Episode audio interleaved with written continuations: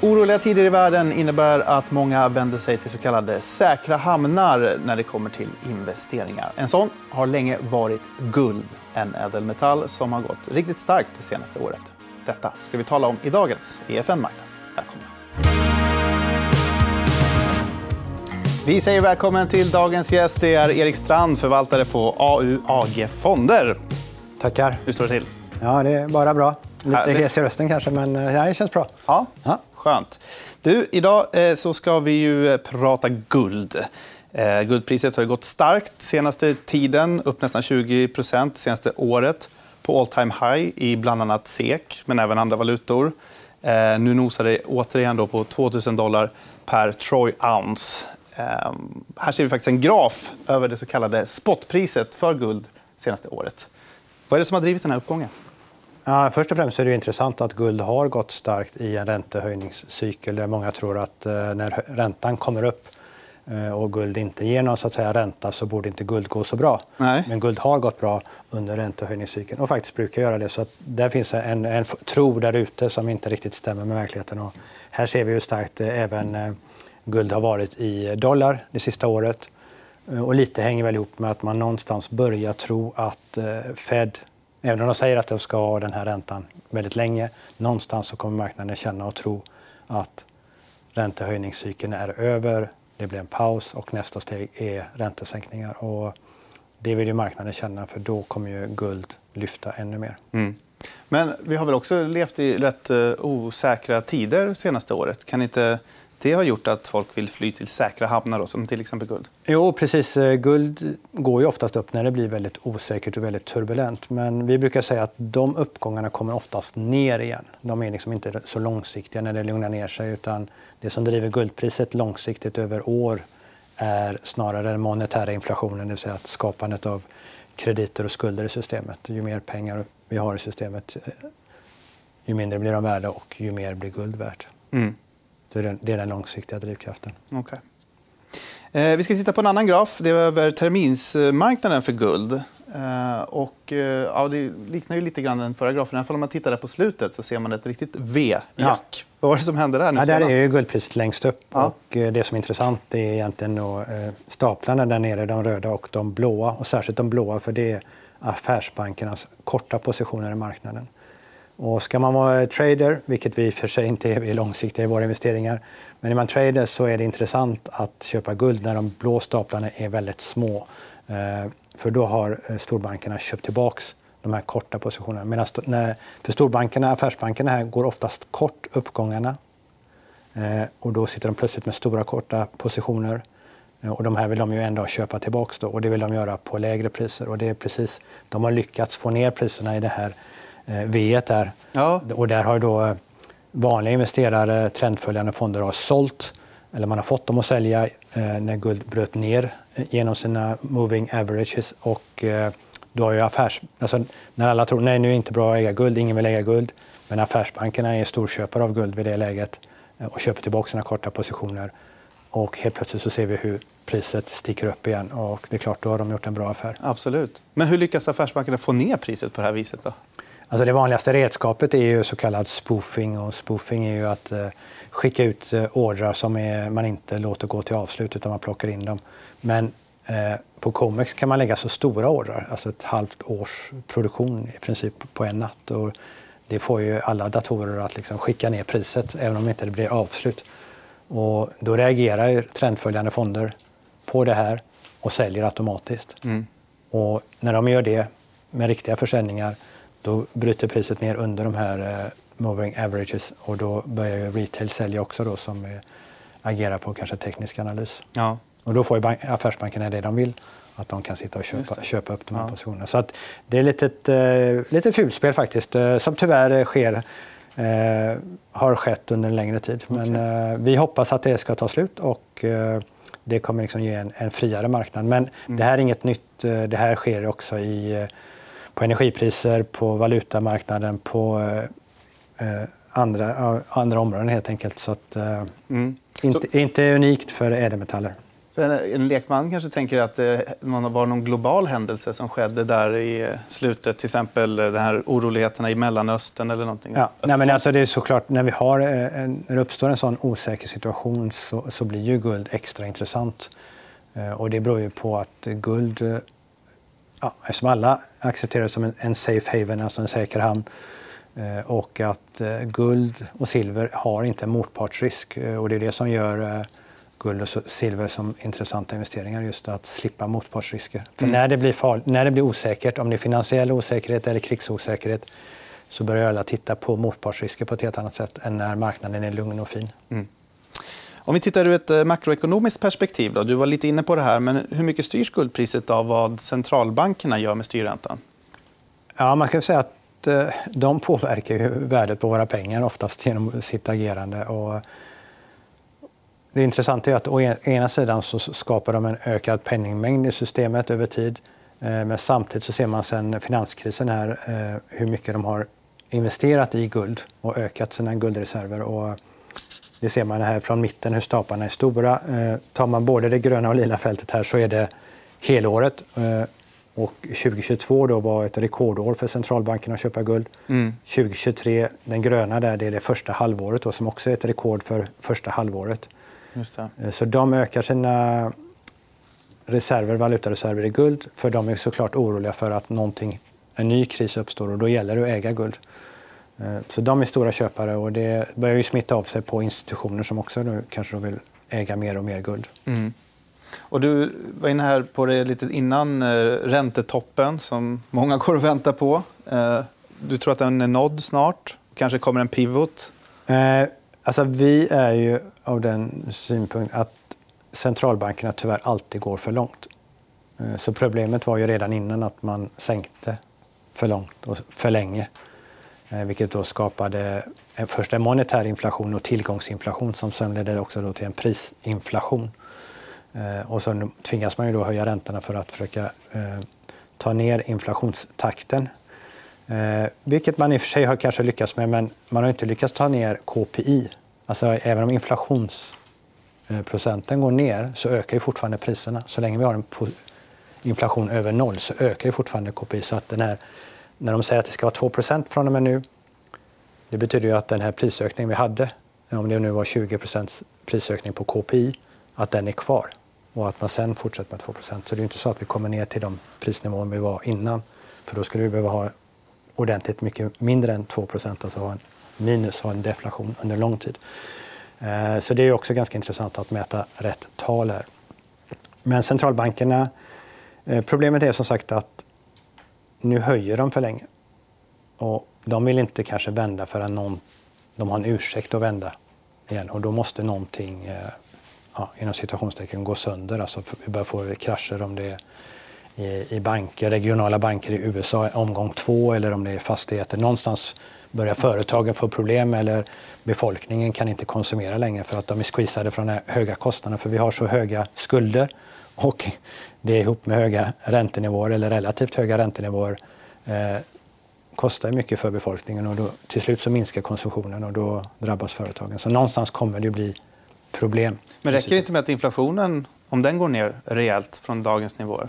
då, kanske, då kommer de väl sluta höja räntan? Eller? Tror du inte det? Eh, jag tror inte det, för att vi har så många starka inflationskrafter i systemet. Och en är till exempel att vi har haft 30 år när det har blivit billigare att producera. Nu blir det inte billigare. Vi har liksom nått vägs ände där. Det blir snarare dyrare. Även i Kina blir det dyrare att producera. Som alltid varit, eh, allting har blivit billigare. Det är slut på det. Och snarare gå åt andra hållet. Vi har befolkningen i Kina, Indien, medelklass som blir större och rikare och börjar konsumera om samma världsvaror och världspriser.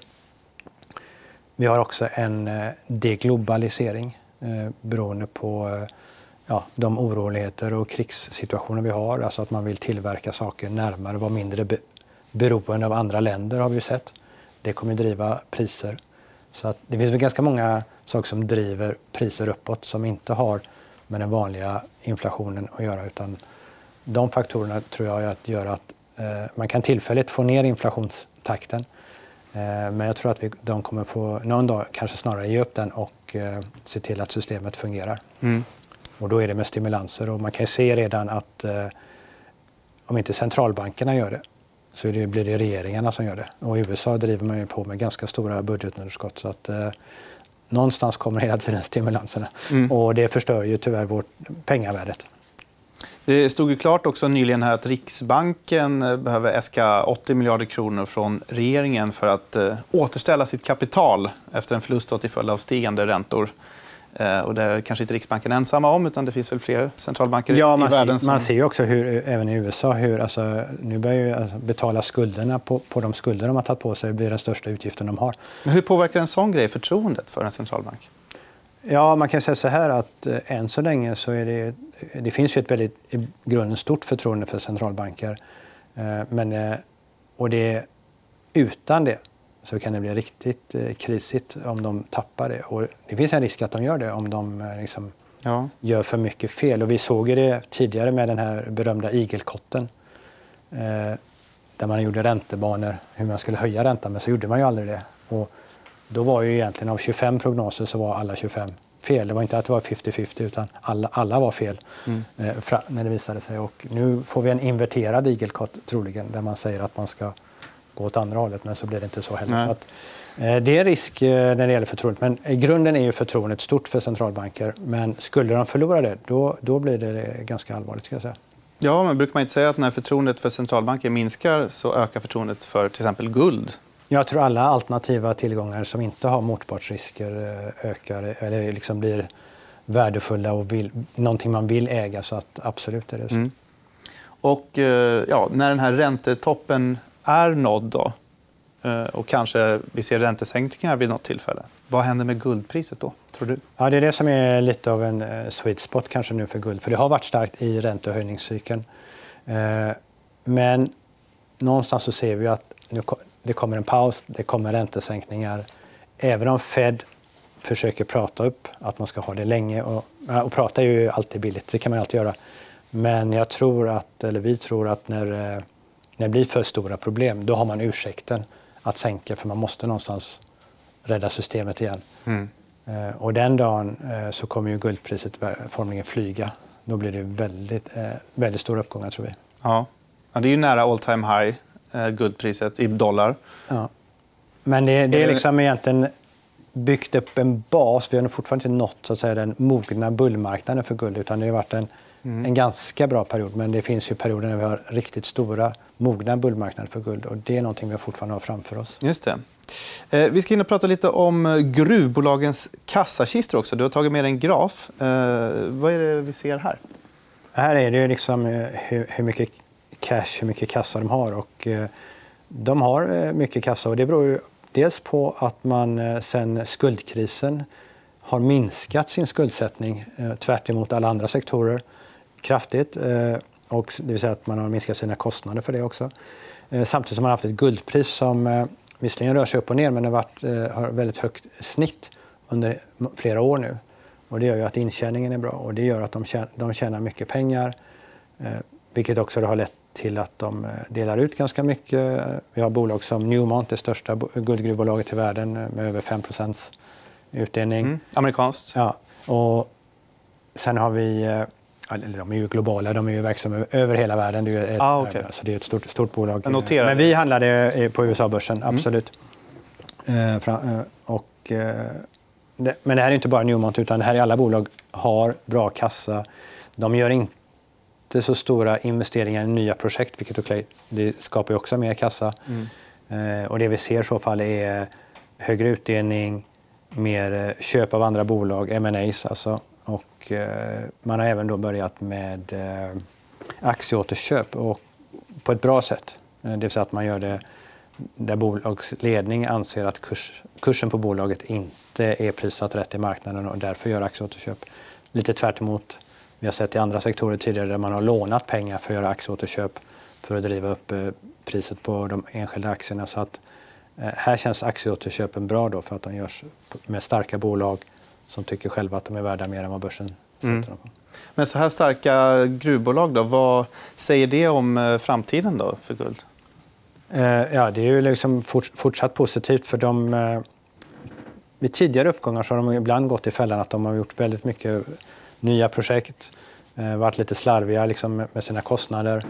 De har lärt sig mycket av detta så jag tror att nu kommer de vara i en mycket bättre... De har positionerat sig bättre och kanske lärt sig av tidigare misstag att inte vara så slösaktiga med pengarna när det, när det går bra. Nej.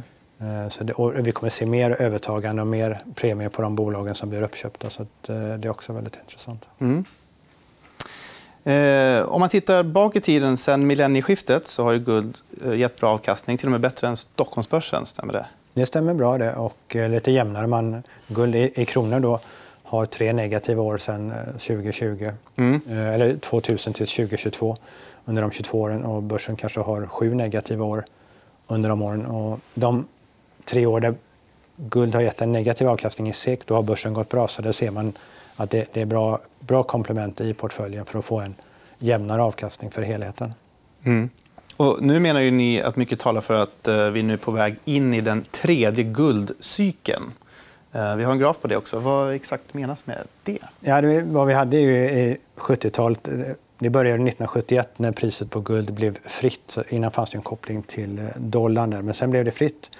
Eh, det var ju också en period med, med mycket inflation på 70-talet såklart, driver på guldpriset. Sen hade vi återigen en ny från 2000 och uppåt. Och som vi ser så har det varit stagnerande, lite fallande där och sen har det sakta gått upp. Så vi har varit i någon form av första bull market. Men nu har vi så många parametrar som stämmer för att liksom sätta fart på den nya mogna bullmarknaden för guld. Vad blir triggern då, tror du?